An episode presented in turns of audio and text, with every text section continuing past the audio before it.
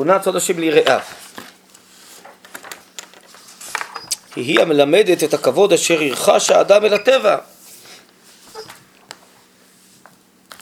זה כבודה אמיתי, הרי הוא מלא אותם, אז כבר אומר מה, הנה, זה ממש פסקה על פורים. הרב קוק אומר בלעשות פורים, שהבירור של פורים זה על הגוף, זה על החול, זה על הרשות, זה על הטבע. למה?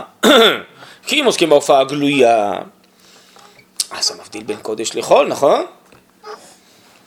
והקודש הוא, רואים שהוא שייך להשם, והחול לא רואים. אבל, אומר הרב, דווקא הסוד, היא מלמדת את הכבוד שירכש אדם אל הטבע. לכאורה זה הפוך, לא? הסוד היה אמור להכניס אותי לסודות ולהרחיק אותי מהטבע הגלוי.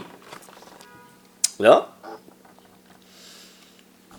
הסוד, העיסוק, ההתוודעות למגמה הפנימית של העולם, היא מלמדת אותנו מה התוכן של הטבע, בשביל מה הוא נברא, מה המגמות של כל דבר, כל בריאה בעולם הזה, כל מציאות, כל אירוע. הוא לא סתם קורה, יש השגחה אלוקית, כללית ופרטית, הכל מדויק, הכל מחושבן. אז בגלוי לעיתים לא רואים. נכון, כתוב שרבן יוחנן בן זכאי, שהיה קטן תלמידיו של הלל, הוא ידע שיחת דקלים וכל מיני דברים ש... הדקלים לא מדברים בגלוי דברי תורה, נכון? אז אתה לא יודע מה הם אומרים ומה הם uh, מתכוונים ולמה הם נוצרו. כנראה שמי שיודע שיחת דקלים, הוא יודע מה מגמתם של הדקלים, לא? זה כפשוטו? מה הכוונה כפשוטו? כאילו- כפשוטו, יש להם איזה שיחה, זה לא שיחה כמו של בני אדם. יש להם איזה אמירה פנימית, כן? איך הם מדברים? אני לא יודע מה. האם כתוב אז ירננו עצי היער, לא? חז"ל דורשים בעצי היער, וזה ארבעת המינים. אבל אה, ברור שכל המציאות מדברת. כל בירייה מדברת בצורה שלה, יש לה אמירה. דווקא מי שנכנס לסוד הפנימי, הוא יודע מהם החיים הפנימיים, מה המגמות הפנימיות של כל דבר.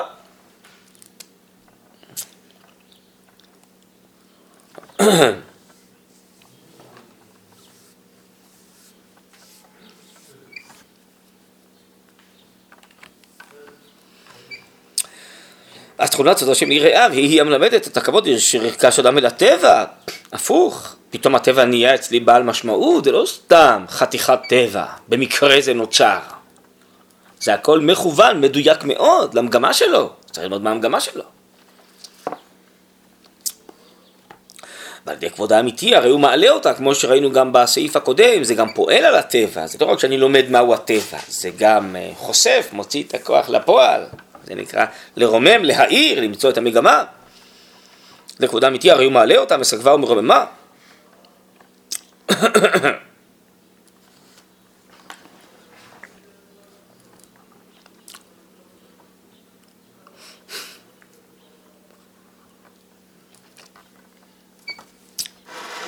ברוך אתה אדוני אלוהינו מלך העולם שהכל נהיה מדברו. יישר כוח. עכשיו, כמו בהליכות המוסר של חיי האדם היחידי, כן בהליכות עולמים. אז הרב עכשיו יקביל בין הפרט לכלל, מתחיל מהפרט, והוא יעבור למציאות הכללית. של מה? של הכרת היחס לטבע? כן. כמו בהליכות המוסר של חיי האדם היחידי, כן בהליכות עולמים. העלייה המעולה בחיי המוסר, אנחנו מבינים בהבנה פשוטה, נכון? מה שהרמב"ם מביא שם בפירוש המשנה, מה שהרב אומר שזה מתאים לחיי הגלות, שככל שיוסיף הגוף בניין, יוסיף השכל חורבן. אז זאת היא הנהגה המוסרית, שאם אתה רוצה להשתייך לרוחניות, אתה צריך לצמצם את הגשמיות. אבל העלייה המעולה, המוסר האמיתי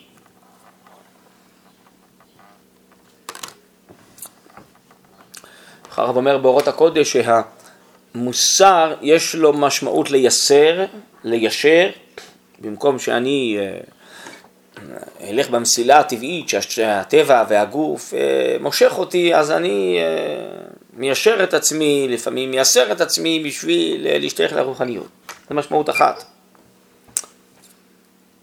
אבל יש משמעות שנייה של מוסר מלשון שהאדם מסור, נמסר לאידיאל של המציאות, של כל דבר.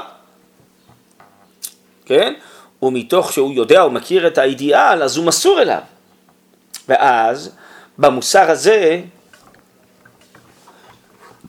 הוא יצא גם את האידיאל של הטבע, של הגוף, גם להם יש אידיאל, אולי הוא פחות חשוב מצד מעלתו מהאידיאל של הרוח. והגוף זה כלי כדי להחזיק את הרוח, בסדר? אבל גם הגוף צריך להיות חזק כדי להחזיק רוח חזקה. אם אני אצמצם את הגוף ואני אחליש אותו, אז גם לא יהיה אפשרות להתחבר בעוצמה לרוח. אז המוסר השלם, כמו שהרב מכנה אותו בחלק ג' של אורות הקודש, יש מוסר הקודש, זה המוסר הזה שאדם מתמסר, מסור ושייך לכל המציאות כולה הרחבה.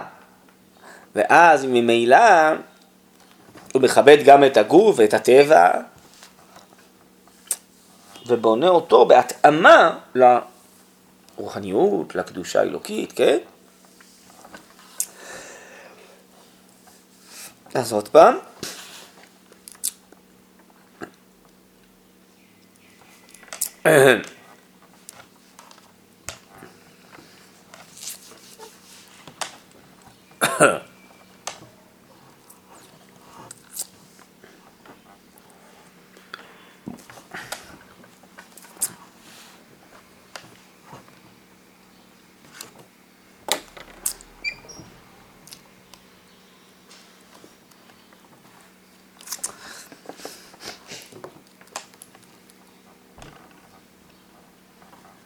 כמו בהליכות המוסר לחיי האדם היחידי, כמו בהליכות עולמים. העלייה המעולה בחיי המוסר היא התייצבות הישרה בכל הכוחות. רגלי עמדה במישור. זה הנקודה השנייה של המוסר שהרב אמר? לא, זה בינתיים... זה עדיין הנקודה הראשונה של ליישר את הדרך. לא, לא. זה המדרגה השנייה. העליונה. לא, לאט לאט. כמו הרב עכשיו ידמה את הפרט לכלל, נכון? כן. אז הוא יתחיל מהסבר הפרט ויעבור לכלל. עכשיו בפרט אמרתי שיש שתי אפשרויות. כן, כי אנחנו מדברים פה על מה שסוד השם מלמד. הסוד השם מלמד את המדרגה היותר עליונה. כן. אני רק הקדמתי את אה, מה שהפשט ילמד לפני הסוד, כן? ומה שמתאים בעצם בגלות, וקשה לו להופיע בגאולה. לכן בגאולה הסודות אמורים להופיע, האמת הפנימית אמורה להופיע לאט לאט, לפי היכולות שלנו, וללמד את האמת. שיש תפקיד ומגמה והכל צריך להיות חזק ובריא, גם הגוף וגם החול. אבל הוא כל כולו מרוכז ומכוון להופעת המגמה לתוכן הפנימי שלו.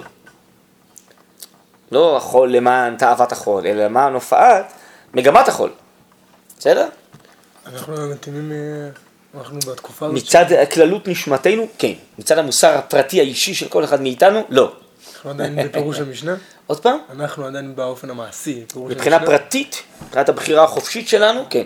אנחנו צריכים אה, חורבן הנפש, חורבן כן. אדם צריך לבנות את עצמו מוסרית בצורה כזאת, למעט את הדברים, עד שהוא יגיע למדרגת הקדושה.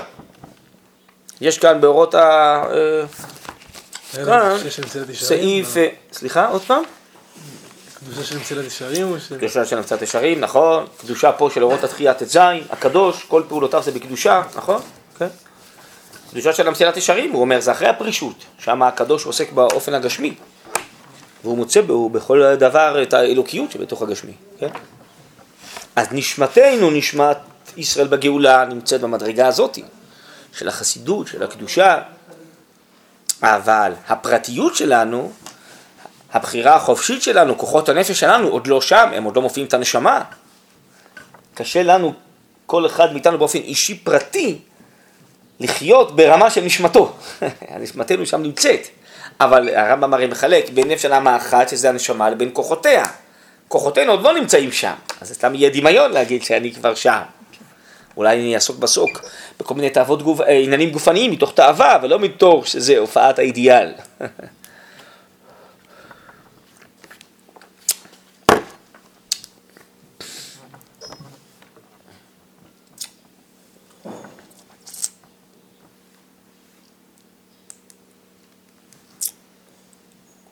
כן. טוב, אז עכשיו הרב מתחיל עוד פעם. כמו בהליכות המוסר של חיי אדם ועל יחידי, כן בהליכות עולמים. העלייה המעולה בחיי המוסר, כלומר המדרגה העליונה של המוסר, זה לא המוסר הכובש, אלא המוסר הישר, המגלה באופן מיושר את כל הכוחות האלוקיים. היא התעצות הישרה, לכן הרב קורא לזה גם ישרות, כן? זה הכובש והישר, בכל הכוחות. רגלי עמדה במישור. הרב קורא לזה בקבצים מידת ההשוויה. לא השוויון של היום, אלא שאדם מוצא בכל דבר את המגמה האלוקית שלו. כן? הכל שווה בפניו, בפני הופעת המגמה, במדרגות שונות אמנם, אבל הכל הכל הכל זה הופעת המדרגה, הופעת המגמה. בסדר? זה נקרא במישור, נקרא במישור. זה משל. או במישור שהכל שווה, כן? אותו דבר, כן? הכל אצלי זה לא זה שייך, זה לא שייך. הקודש שייך, החול לא שייך. הנשמה שייכת, הגוף לא שייך. אין כזה דבר, הכל שייך, הכל אלוקי, השם אחד ושמו אחד. זה מידת ההשוויה. היא אמונת הייחוד שהרב אומר פה, שמופיע בפורים. איפה אומר את זה? פה, לעשות פורים. בסוף עולת ראייה א' ת' ל"ט ת' מ'. כן. נפל פחד היהודים על עמי הארץ. מה זה עמי הארץ? זה האמרציות שלנו. זה הארציות שבנו. מה זה פחד היהודים? יהודי זה מי שמאמין בבונת הייחוד.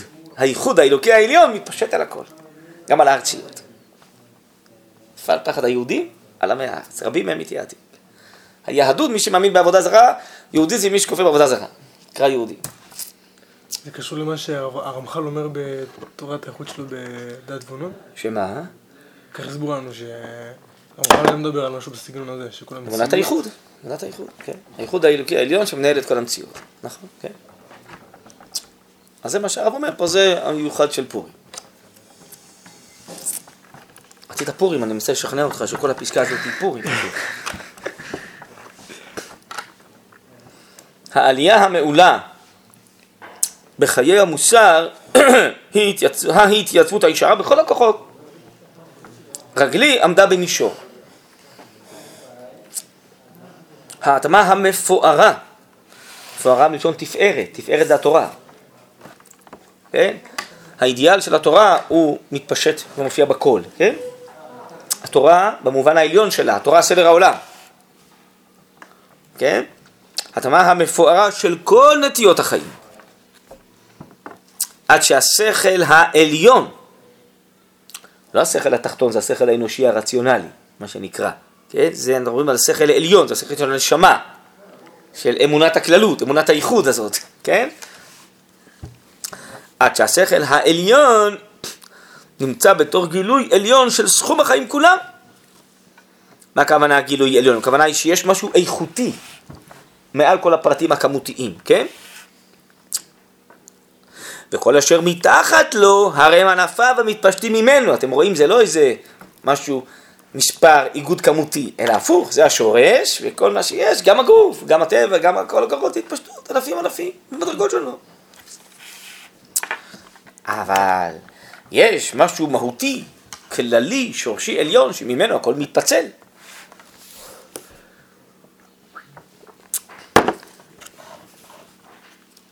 אז אם כן, כל אשר מתחת לא הרי הם ענפיו המתפשטים ממנו, שווים אליו ומתרפ... ומתרפקים עליו, מוכנים לרצונו, ולעבודתו כסופה ירדופו.